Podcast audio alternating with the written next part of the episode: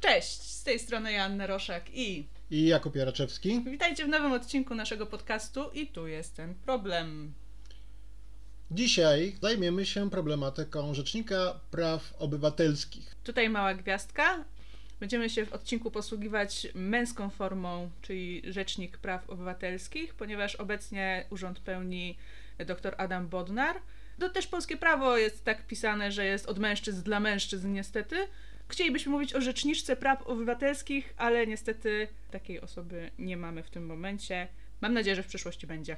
Dlaczego chcemy się dzisiaj zająć RPO? Z co najmniej trzech powodów. Pierwszym jest taki, że wspominaliśmy już o nim parę razy. Parę razy w poprzednich odcinkach odnosiliśmy się do tego, jakie jest znaczenie i rola Rzecznika Praw Obywatelskich. Poza tym ostatnio o rzeczniku jest w Polsce głośno z uwagi na jego rolę wobec różnych naruszeń praw człowieka w Polsce, które mają miejsce w związku z koronawirusem, protestami, ale także innymi obszarami życia publicznego.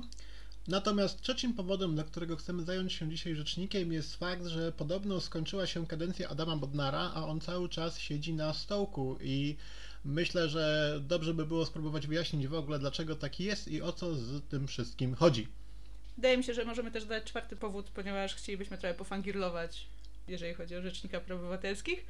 W tym odcinku zajmiemy się przede wszystkim tym, kim jest Rzecznik Praw Obywatelskich jako instytucja, czym się zajmuje oraz, no właśnie, co dalej z Rzecznikiem Praw Obywatelskich. Więc może po kolei, kim jest Rzecznik Praw Obywatelskich? Okej, okay, słuchajcie. Rzecznik Praw Obywatelskich to jest organ konstytucyjny, który jest ujęty w naszej Konstytucji Rzeczpospolitej Polskiej z 1997 roku, ale jego historia sięga o wiele wcześniej, ponieważ Urząd e, Rzecznika powstał w roku 1988, czyli jeszcze za PRL. Niektórym czasami pojawia się taki argument, że skoro Rzecznik Praw Obywatelskich powstał za czasów komuny, to jest to organ komunistyczny. Otóż nic bardziej mylnego. Rzecznik Praw Obywatelskich, podobnie jak kilka innych organów państwowych, w tym na przykład Trybunał Konstytucyjny, powstały pod koniec lat 80. w ramach ustępstw, które władza ludowa zaczęła robić na rzecz opozycji, wtedy kiedy już było wiadomo, że cały ten wspaniały system Polski Ludowej daleko nie pociągnie i trzeba zacząć w jakiś sposób robić ukłony w kierunku Solidarności i innych sił opozycyjnych i zaspokoić ich postulaty.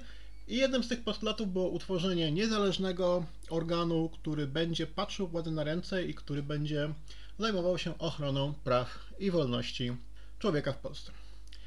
Rzecznik Praw Obywatelskich zgodnie z Konstytucją powoływany jest na pięcioletnią kadencję przez Sejm za zgodą Senatu. Uwaga, ten fragment będzie ważny, ponieważ jak dojdziemy na końcu do kwestii tego, co dalej z Adamem Bodnarem i co dalej z Rzecznikiem Praw Obywatelskich, to wrócimy do tego właśnie momentu.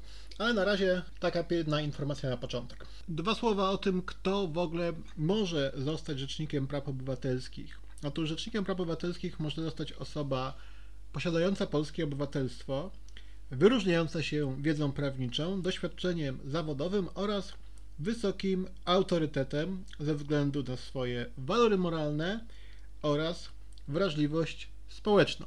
Dotychczas przyjęło się, że stanowisko Rzecznika Praw Obywatelskich obejmowały osoby posiadające co najmniej doktorat e, w zakresie nauk prawnych oraz mające już dość duże doświadczenie, jeżeli chodzi o prawa i wolności człowieka. Takim doświadczeniem legitymowali się i profesora Wałętowska, która była pierwszą rzeczniczką praw obywatelskich i na przykład profesor Zoll, który to stanowisko piastował, no i także oczywiście doktor habilitowany Adam Bodnar, to zarówno e, osoba z doświadczeniem naukowym, ale także z długim doświadczeniem pracy na rzecz praw i wolności obywatelskich. Adam Bodnar przez wiele, wiele lat działał w ramach Helsińskiej Fundacji Praw Człowieka.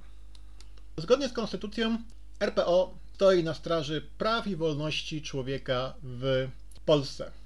Przy czym stoi na straży praw i wolności nie tylko Polaków, ale wszystkich osób, które znajdują się na terytorium Rzeczpospolitej i pod jej władzą. Rzecznik jest niezależny od pozostałych władz, ponieważ idea, która przyświeca całemu organowi, jest taka, że ma on patrzeć na ręce władzy wykonawczej, patrzeć na ręce władzy ustawodawczej, ale także władzy sądowniczej i nie być od nich w żaden sposób uzależnionym. To bardzo dużo rąk. Bardzo dużo rąk. Rzecznika Praw Obywatelskich czasami potocznie nazywa się ombudsmanem. Ombudsman to jest takie pojęcie, instytucja, która powstała w krajach skandynawskich i był to urząd takiego niezależnego łącznika pomiędzy parlamentem a obywatelami. Czyli taki urzędnik, który zajmował się informowaniem obywateli o tym, co robi parlament, a w drugą stronę przekazywaniem parlamentowi różnych petycji, skarg i wniosków, które formułowali obywatele. Ale ten organ ombudsmana, zarówno w krajach skandynawskich, jak i w innych krajach europejskich, a także na całym świecie, przeszedł już dość długą metamorfozę i obecnie tak naprawdę bardziej są to osoby niezależne, które stoją na straży przestrzegania praw człowieka, więc jest to już coś o wiele więcej niż ten stary duński czy norweski ombudsman. Niemniej jednak ta nazwa czasami funkcjonuje, możecie się z nią spotkać. Nazwa polska Rzecznik Praw Obywatelskich jest jednak także w pewnym sensie myląca. Rzecznik Praw nie zajmuje się tylko i wyłącznie prawami polskich obywateli, jak wspomniałem wcześniej. Zajmuje się prawami i wolnościami wszystkich, którzy znajdują się na terytorium Polski, ale także osobami, które w jakiś sposób wchodzą w interakcję z państwem polskim, ponieważ zainteresowaniem Rzecznika Praw Obywatelskich może być na przykład osoba, która ubiega się o e, azyl w Polsce, przebywając poza granicami Rzeczpospolitej, lub na przykład osoby, które miały szczęście lub nieszczęście wejść poza granicami Polski w interakcję z naszymi siłami zbrojnymi, na przykład działającymi w ramach jakiejś misji pokojowej. Co więcej, Rzecznik Praw Obywatelskich nie zajmuje się tylko i wyłącznie prawami obywatelskimi. My mamy taką kategorię praw, które określamy jako prawa obywatelskie. I są to prawa, które są związane ściśle z byciem obywatelem, obywatelką Polski. Najbardziej oczywisty przykład prawo wyborcze, ponieważ ono co do zasady przysługuje tylko i wyłącznie tym osobom, które mają polskie obywatelstwo. Rzecznik Praw Obywatelskich jednakowoż nie zajmuje się tylko i wyłącznie prawami obywatelskimi, zajmuje się wszystkimi prawami i wolnościami określonymi w Konstytucji. Nie tylko. Zajmuje się prawami politycznymi, zajmuje się prawami i wolnościami osobistymi, zajmuje się prawami gospodarczymi, socjalnymi i kulturalnymi, ale też monitoruje to, w jaki sposób Polska respektuje te prawa i wolności, które nie są w Konstytucji RP, ale są zawarte w różnych umowach międzynarodowych, którymi Polska się związała i których Polska przestrzega. Więc nie tylko i wyłącznie prawa obywatelskie, bardzo szeroki katalog obszarów, którymi zajmuje się rzecznik. Nadto jednak rzecznik ma jeszcze kilka innych obowiązków, o których powiem za chwilę. Nasz polski RPO działa zgodnie z takim kanonem zasad działania rzeczników praw obywatelskich utworzonym przez ONZ. Są to tak zwane zasady paryskie. Zasady paryskie dotyczą m.in. niezależności rzecznika, dotyczą jego skuteczności, dotyczą jego pozycji wobec pozostałych władz, dotyczą tego, w jaki sposób jest powoływany na stanowisko i czy faktycznie jest niezależny od władzy wykonawczej i ustawodawczej. Istnieje cały proces takiej specjalnej akredytacji tych rzeczników i mogą oni otrzymać różne kategorie swojej jakby jakości i nasz polski RPO konsekwentnie od początku swojego istnienia i uczestniczenia w tym systemie otrzymuje klasę A, najwyższą. A więc brawo. jest uznawany. Brawo, brawo panie doktorze Bodnar. Co więcej, oprócz tego, Nasz Rzecznik Praw Obywatelskich zajmuje się także kwestią równego traktowania, ponieważ Unia Europejska wymaga, aby każdy kraj członkowski wyznaczył swoje organy państwowe, które zajmują się kwestiami równego traktowania, na przykład równego traktowania ze względu na stopień niepełnosprawności czy równego traktowania mniejszości. U nas w Polsce mamy takie dwa organy. Jednym jest nasz Rzecznik Praw Obywatelskich, drugim jest pełnomocniczka rządu do spraw równego traktowania. Jeżeli po raz pierwszy w życiu usłyszeliście właśnie o tym, że mamy w Polsce pełnomocniczkę rządu do spraw równego traktowania, to nie czujcie się z tym źle, ponieważ jedyne co można powiedzieć o tej pani to to, że istnieje, gdyż działalność jej jest w dużej mierze bezobjawowa. Podobnie zresztą jak cała działalność aktualnego rządu w zakresie równego traktowania oraz praw i wolności. Więc Rzecznik Praw Obywatelskich zajmuje się także równym traktowaniem, ale to nie jest koniec jego zajęć. RPO jest także polskim krajowym mechanizmem prewencji. E, Krajowy Mechanizm Prewencji to organ państwowy, który jest wyznaczony do zajmowania się tematyką tortur i nieludzkiego traktowania. Polska ratyfikowała konwencję o zwalczaniu tortur oraz nieludzkiego i poniżającego traktowania. W ramach tej konwencji Polska jest zobowiązana do tego, żeby ktoś w Polsce był tym krajowym mechanizmem prewencji. Padło na Rzecznika Praw Obywatelskich oczywiście. I w ramach tego RPO wykonuje szereg czynności, ale o tym, co dokładnie robi RPO, nie tylko jeżeli chodzi o bycie krajowym mechanizmem prewencji, ale w ogóle wszystkie jego obszary działalności przedstawi Wam Asia. Tak, Jakub już powiedział pokrótce, czym się zajmuje Rzecznik Praw Obywatelskich, a jak to wygląda w praktyce. Rzecznik ma kilka takich możliwości. Przede wszystkim zajmuje się sprawdzaniem tego, jak działają organy władzy. I na przykład słyszeliście o tym, że przy okazji strajku kobiet, czy Marszu Niepodległości, czy protestów na krakowskim przedmieściu w obronie Margo, osobami, które zostały tymczasowo aresztowane czy zatrzymane w tym, wypadku, zainteresowali się przedstawiciele Krajowego Mechanizmu Prewencji i Tortur. I to były osoby, które jeździły po komisariatach, sprawdzały, jak te osoby zostały zatrzymane, czy ich prawa są przestrzegane, co się z nimi stało. Także tu niezależnie od tego, czy to byli mm, uczestnicy Marszu Niepodległości, czy to były osoby y, z tej bardziej lewej strony sceny, może nawet nie politycznej, tylko raczej aktywistycznej, Rzecznik Praw Obywatelskich się nimi interesował i sprawdzał, czy ich prawa są przestrzegane. Jakub wspomniał już o Krajowym Mechanizmie Prewencji i przy Biurze Rzecznika Praw Obywatelskich działa na przykład przedstawiciel Krajowego Mechanizmu Prewencji i Tortur. Słyszeliście być może o tym przy okazji strajku kobiet, czy zatrzymań na krakowskim przedmieściu w czasie mm, tych protestów na rzecz Margo, albo na przykład przy okazji ostatniego Marszu Niepodległości. Przedstawiciele Krajowego Mechanizmu Prewencji Tortur sprawdzali, czy osoby zatrzymane w czasie tych, w czasie tych um, protestów. Protestów, dziękuję. Proszę. No, czy ich prawa są przestrzegane, tak, na komendach? Czy mogli się spotkać, y, czy skontaktować z prawnikiem? Czy na przykład nie doszło do jakichś pobić? Czy w ogóle jakiegoś innego naruszenia ich y, praw, czy integralności cielesnej, można by tak powiedzieć? I to niezależnie właśnie od tego, czy to były takie bardziej aktywistyczne, lewicowe protesty w sprawie Margo, czy to były bardziej prawicowe marsze niepodległości. No i tak Rzecznik Obywatelski pomagał wszystkim tutaj od prawa do lewa. Nie tylko właśnie ten krajowy mechanizm, przedstawiciel Krajowego Mechanizmu Prewencji Tortu, ale również jego zastępcy, zastępcy Rzecznika Praw Obywatelskich. Tak? I to jest jeden z przykładów tego sprawdzania przez Rzecznika Praw Obywatelskich, jak funkcjonuje w ogóle prawo w odniesieniu do obywateli czy to w odniesieniu w ogóle do ludzi, którzy mieszkają w tym, w tym kraju, no bo tak jak mówił Kuba, to są już prawa człowieka, a nie tylko prawa obywatelskie. W efekcie na przykład takiego sprawdzania rzecznik może zaproponować zmiany przepisów i tak tutaj ostatnio zaproponował, aby policjanci nosili na przykład numery swoje identyfikacyjne w widocznym miejscu, to w odpowiedzi na te problemy, które pojawiły się w czasie strajku kobiet, że jacyś no, nieumundurowani policjanci wmieszali się w tłum i protestujący nie mieli absolutnie żadnej możliwości, żeby, żeby poznać, że są to funkcjonariusze. Nie tylko taka abstrakcyjna trochę kontrola na podstawie, czy to sprawdzanie na podstawie jakichś e, medialnych doniesień funkcjonuje. Rzecznik Praw Obywatelskich może też występować do różnych instytucji z pytaniami, tak jak na przykład mówiliśmy o tym w odcinku o obostrzeniach epidemicznych, Rzecznik Praw Obywatelskich mógł się zgłosić do Sanepidu z pytaniem, przepraszam bardzo, dlaczego ta kara została nałożona w ogóle, tak? Dlaczego 20 tysięcy złotych za jazdę rowerem po bulwarach wiślanych lub jakiś inny To akurat nie było 20 tysięcy e, złotych, była na przykład sprawa rowerzysty z Wadowic, tak, tak to o. zostało opisane i była ta kara 10 tysięcy za no właśnie nieprzestrzeganie tych, tych przepisów korzystania z terenów zielonych w czasie epidemii w kwietniu. No i Rzecznik Praw Obywatelskich wstąpił do tej sprawy, karę uchylono, całe szczęście i było to 10 tysięcy złotych, tak? Nie wiem, czy wspomniałam. Także całe szczęście chłopak nie musiał zapłacić tyle, tyle pieniędzy, dzięki właśnie Rzecznikowi Praw Obywatelskich. Dziękujemy, panie Rzeczniku. Dziękujemy. I właśnie to jest też jeden kolejny przykład, czyli to wstępowanie do spraw. Nie tylko w tych takich aktualnych, głośnych sprawach, właśnie typu e, obostrzenia pandemiczne, czy tutaj też wcześniej Rzecznik Praw Obywatelskich wstąpił do sprawy sędziego Juszczyszyna, który no, miał czelność poprosić o udostępnienie list poparcia sędziów nowej KRS, za co odwołano mu delegację do sądu wyższej instancji. Także Rzecznik Praw Obywatelskich, kiedy pojawia się w Twojej sprawie, to masz takie dodatkowe plus 10 do, do, do, do swojej strony, tak możemy Plus powiedzieć. 10 do obrony przeciwko innym organom państwowym. Dokładnie.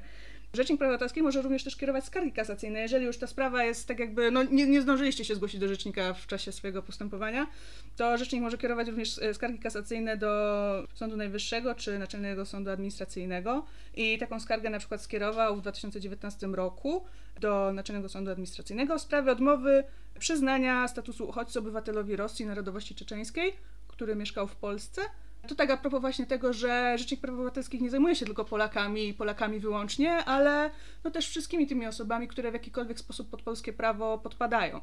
Tak? I ta sprawa również została dzięki pomocy rzecznika rozpatrzona pozytywnie dla, dla tego mężczyzny. Rzecznik Praw Obywatelskich może również kierować wnioski do Trybunału Konstytucyjnego. Jak funkcjonuje Trybunał Konstytucyjny, no też już trochę mówiliśmy w poprzednich odcinkach i też trochę zapewne wiecie z różnych doniesień. Także te wnioski raczej nie mają teraz obecnie dużej, dużej wartości. Wręcz można powiedzieć, że rzecznik raczej je wycofywał niż kierował. Ale no, zdarzały się takie wnioski, jak na przykład w sprawie umieszczania osób ubezwłasnowolnionych w domach y, pomocy społecznej. Tak, także rzecznik zajmuje się nie tylko takimi bardziej medialnymi sprawami, ale nawet takimi e, bardziej indywidualnymi, jak na przykład właśnie ubezwłasnowolnienie czy y, świadczenia dla osób niepełnosprawnych. I tych spraw jest cała masa, tak? Tu tych przykładów można podawać dziesiątki, ponieważ w sprawozdaniu rzecznika za rok 2019 mówił on o tym, że w samym 2019 roku do y, jego biura wpłynęło prawie 60 tysięcy spraw. Kolejnych ponad 4 tysiące osób zgłosiło się bezpośrednio. No i też y, tysiące, tysiące telefonów były kierowane do rzecznika. Ponad 30 tysięcy porad telefonicznych udzielono. No tutaj tych przykładów są olbrzymie ilości. A no tak jakby no, nie miał on najłatwiej y, w ostatnich latach, rzecznik i jego biuro, ponieważ owszem, ma swój budżet i nawet y, można by stwierdzić w jakiś sposób, że ten budżet y, był niemały w ostatnich latach, ale tak naprawdę jakby się przyjrzeć budżetowi bliżej, od tego 2015 roku on stopniowo maleje, ponieważ no, na przykład duża część tego budżetu poszła nie na pracę merytoryczną rzecznika, na, na przykład na wypłaty dla 300 pracowników Biura Rzecznika Praw Obywatelskich, tylko na renowację budynku, w którym mieści się biuro. nie miał wyboru niestety i dlatego też miał e, trochę wyższy, wyższy budżet właśnie z uwagi na tę renowację budynku, a tak naprawdę na pracę merytoryczną zostawało dużo mniej pieniędzy niż w poprzednich latach. No to jest jeden z takich przykładów takiego rzucania kłód pod nogi rzecznikowi, tak, no jego wystąpienia w Sejmie były na przykład ustalane na bardzo dziwną, późną godzinę, tak chyba której ze sprawozdań rzecznika było ustalone na 23.30 i na sali plenarnej znajdowało się chyba, nie wiem, tam kilku posłów na krzyż, także no widać jakie, jakie poważanie dla, dla tej instytucji ma, ma obecny, obecny parlament. I, I, jest coraz gorzej właśnie, bo tak jak już mówiliśmy, jego kadencja się skończyła. No i, i co dalej z tym, z tym rzecznikiem praw obywatelskich nieszczęsnym naszym? No właśnie, wspominaliśmy, że kadencja RPO trwa 5 lat. Zgodnie z konstytucją, tą pięcioletnią kadencję osoba spełniająca funkcję RPO może raz powtórzyć. Ale jeszcze nikt tego nie zrobił. Mamy w Polsce taką uroczą tradycję, że osoby piastujące funkcję Rzecznika Praw Obywatelskich nie ubiegają się o kolejną kadencję i Adam Bodnar nie wykazał takiej chęci. Jego kadencja skończyła się we wrześniu tego roku, ale jak możecie zauważyć, włączając telewizję albo wchodząc na stronę RPO, Adam Bodnar nadal pełni funkcję Rzecznika Praw Obywatelskich. Jak to jest w ogóle możliwe? Jest to możliwe dlatego, że oprócz konstytucji mamy ustawę o Rzeczniku Praw Obywatelskich i ustawa ta reguluje cały szereg szczegółowych kwestii związanych z funkcjonowaniem rzecznika. Jedną z tych kwestii jest to, co dzieje się, kiedy z jakiegokolwiek powodu Rzecznik Praw Obywatelskich e, nie zostaje wybrany na nową kadencję. Bo taka sytuacja może się zdarzyć z szeregu powodów. Dajmy sobie na to, możemy być w środku wojny i Sejm i Senat nie są w stanie się fizycznie zebrać, a kadencja Rzecznika Praw Obywatelskich się kończy. I wypadałoby, żeby istniało jakieś rozwiązanie, które doprowadza do tego, że nie mamy luki i nie mamy sytuacji, w której to stanowisko nie jest obsadzone i w Polsce nie ma Rzecznika Praw Obywatelskich. I ta ustawa mówi, że jeżeli Rzecznik Praw Obywatelskich nowej kadencji nie zostaje wybrany, to osoba dotychczas piastująca to stanowisko zajmuje je tak długo, aż nie dojdzie do wyboru nowej osoby na stanowisko Rzecznika Praw Obywatelskich. Jak już też wcześniej mówiliśmy, procedura jest następująca. Sejm wybiera RPO, ale ta osoba musi uzyskać zgodę Senatu, czyli drugiej izby naszego parlamentu, na to, żeby stać się Rzecznikiem Praw Obywatelskich i objąć to stanowisko. No i moi drodzy y, i moje kochane, mamy teraz klincz w parlamencie. Klincz mamy, ponieważ mamy sobie Sejm, w którym większość nadal ma Zjednoczona Prawica, czyli Prawo i Sprawiedliwość Jarosława Kaczyńskiego, Porozumienie Jarosława Gowina oraz Solidarna Polska Zbigniewa Ziobro. I oni mają tą większość w Sejmie i technicznie rzecz ujmując, mogliby bez większego problemu przegłosować swojego kandydata, swoją kandydatkę. Ale jest jeszcze Senat. I w Senacie sytuacja jest trochę odwrotna, ponieważ w Senacie ledwo, bo jednym głosem, ale przewagę ma opozycja. Koalicja Obywatelska, Lewica, PSL, senatorowie niezależni, razem wszyscy mają 51 głosów, więc e, są w stanie jakąkolwiek kandydaturę, którą Prawo i Sprawiedliwość w Sejmie przegłosuje, zablokować. To nie jest tak, że nie mamy obecnie kandydata na nowego rzecznika praw obywatelskich. Mamy kandydatkę, panią Zuzannę Rudzińską-Bluszcz. Jest to jedyna kandydatka na chwilę obecną na No to nie wiem. stanowisko. No nie wiem, czekaj, czekaj, czekaj, czekaj, bo my ostatnio mamy tutaj e, sygnały, że Prawo i Sprawiedliwość ma swojego kandydata. Czy inaczej, Prawo i Sprawiedliwość pewnie zawsze miałoby jakiegoś swojego kandydata, ale to jest jedyna taka kandydatka, która po pierwsze zgłosiła się w tym terminie, który był do zgłoszenia kandydatów na, na to stanowisko. Po drugie, ma olbrzymie poparcie organizacji pozarządowych, tak? Poparło ją prawie 1200 organizacji pozarządowych.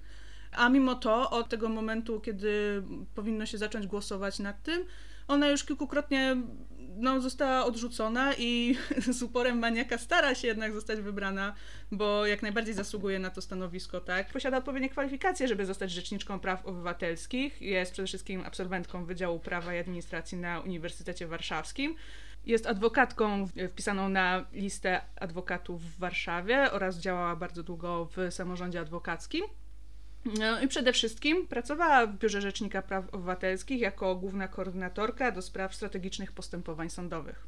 Ale no, mm, hmm, hmm, no parlament bardzo nie chce jej wybrać, Sejm bardzo nie chce jej wybrać i robią wszystko, żeby z siłą tysiąca słońc praktycznie tutaj jej no, utrudniają to zostanie Rzecznikiem Praw Obywatelskich. Mamy nadzieję, że doceniliście nasz tutaj zabieg e, retoryczny. Mówiliśmy, że Zuzannę Rudzińską-Bluszcz popiera tysiąc organizacji pozarządowych, a Sejm w osobie Partii Sprawa i Sprawiedliwość siłą tysiąca słońc stara się zablokować tą kandydaturę. Tacy jesteśmy wyrafinowani.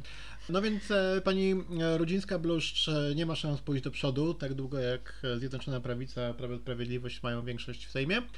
Jednocześnie na giełdzie nazwisk już oficjalnie pojawiło się nazwisko pana Piotra Wawrzyka. Kim jest pan Piotr Wawrzyk? Pan Piotr Wawrzyk jest obecnym wiceministrem spraw zagranicznych. W mi- ministerstwie zajmuje funkcję związaną z między innymi współpracą międzynarodową, Organizacją Narodów Zjednoczonych. Jest to człowiek, który mm, teoretycznie ma odpowiednie wykształcenie, doktorat z prawa i który e, pracował na uniwersytetach i zajmował się prawem, ale jego doświadczenie, jeżeli chodzi o prawa człowieka i zasługi na tym polu, no ja bym określił jako takie lekko półśrednie. I jest to dość Al dyplomatyczne dente. określenie. Al dente i to takie polskie al dente, czyli bardzo surowe. Więc e, to jest pan Piotr Wawrzyk, ale on nie został jeszcze oficjalnie zgłoszony i nie została uruchomiona procedura. Procedura nie została jeszcze chyba uruchomiona z jednego powodu. Otóż y, wspominaliśmy wcześniej, że obecna sytuacja, w której kadencja RPO się skończyła, ale Adam Bodnar nadal zajmuje stanowisko, nadal działa, nadal występuje, nadal walczy o nasze prawa i wolności, jest możliwa dzięki temu, że ustawa o Rzeczniku Praw Obywatelskich takie rozwiązanie przewiduje. I co jest absolutnym zaskoczeniem dla wszystkich, na pewno, grupa posłów Partii Prawo i Sprawiedliwość złożyła wniosek do Trybunału Konstytucyjnego, którego raczej powinniśmy nazywać Trybunałem Julii Przyłębskiej. No, E, prosiła, żeby tak nie nazywać. Bo prosiła o to, żeby takiej nie nazywać, więc będziemy to tak robić. Złożyli wniosek o zbadanie przepisów ustawy o RPO pod kątem tego, czy te przepisy, które pozwalają Adamowi Bodnarowi zostać na stanowisku, pomimo braku wyboru nowego RPO, są zgodne z konstytucją. Taki wniosek został złożony w Trybunale Konstytucyjnym. Rozprawa w tej sprawie została przełożona już pięć razy. Pięć razy Trybunał Julii Przyłębskiej próbował się zebrać, żeby zająć się tą sprawą i póki co mu się to nie udało. Widać, mieli ważniejsze sprawy. Ale wiesz, najśmieszniejsze jest to, że oni zdążyli w międzyczasie zająć się tysiącem innych spraw, zdążyli wydać kilka wyroków lub e, rozstrzygnięć, e, takich jak e, ten cały czas nieopublikowany wyrok w sprawie aborcji, o którym mówiliśmy w poprzednim odcinku. To wszystko udało im się zrobić, a sprawa Rzecznika Praw Obywatelskich aktualnie wyznaczona jest na dzień 19 stycznia przyszłego roku, 2021. Niemniej jednak ja bym się do tej daty nie przywiązywał, ponieważ e, czas w Trybunale Julii Przyłębskiej płynie względnie i niektóre sprawy dzieją się błyskawicznie, a niektóre nie dzieją się w ogóle. Trybunał Konstytucyjny nie zajął się na przykład jeszcze niektórymi sprawami, które jeszcze zdążyli złożyć w nim mm, Rzecznicy Praw Obywatelskich poprzednich kadencji, bo jak widać czas to jest e, No cóż, czas to jest pojęcie względne i nie musimy się za bardzo przejmować takimi rzeczami. No i taką mamy sytuację. Być może jak będziecie słuchać ten odcinek, to wydarzy się już coś nowego w tej kwestii, ponieważ jest ona bardzo rozwojowa, ale bardzo możliwe, że jak będziecie go słuchać, to nadal jeszcze nie będzie wiadomo co dalej i będziemy czekać na decyzję Trybunału Konstytucyjnego w styczniu.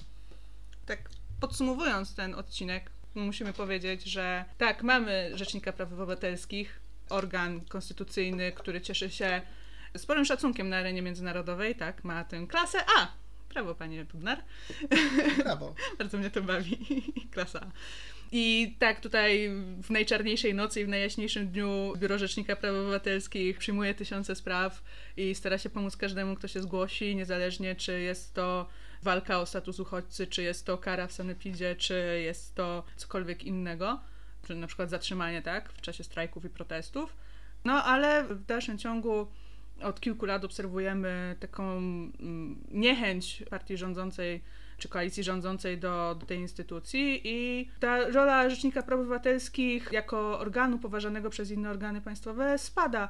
I on niestety może jedyne co może robić to w tym momencie kontynuować swoją pracę syzyfową, a tak naprawdę no, pełniący obecnie funkcję rzecznika dr Adam Bodnar, no trochę nie zna dnia ani godziny, kiedy będzie musiał spakować w kartonik swoją ulubioną paprotkę z biurka i pożegnać się z tym stanowiskiem. I nie wiadomo, najgorsze jest to, że nie wiadomo, kto go zastąpi w tym temacie, pomimo tego, że teoretycznie kandydatka jest jedna i powinni ją wybrać dawno temu. Także zobaczymy. Zobaczymy, jak to będzie.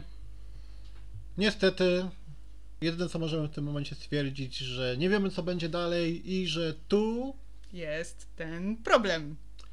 Dziękujemy Wam bardzo za wysłuchanie tego ostatniego już w 2020 roku odcinka. Mamy nadzieję, że przyszły rok będzie lepszy od tego. Nie jest to nie, nie, gigantyczne, trudne. Nie spodziewajmy się, może nie miejmy żadnych oczekiwań. Nie, nie miejmy żadnych oczekiwań, ale zmutowany wariant koronawirusa, który właśnie rozpoczyna się po Wielkiej Brytanii, może być trailerem jeszcze bardziej zabawnego 2021 roku.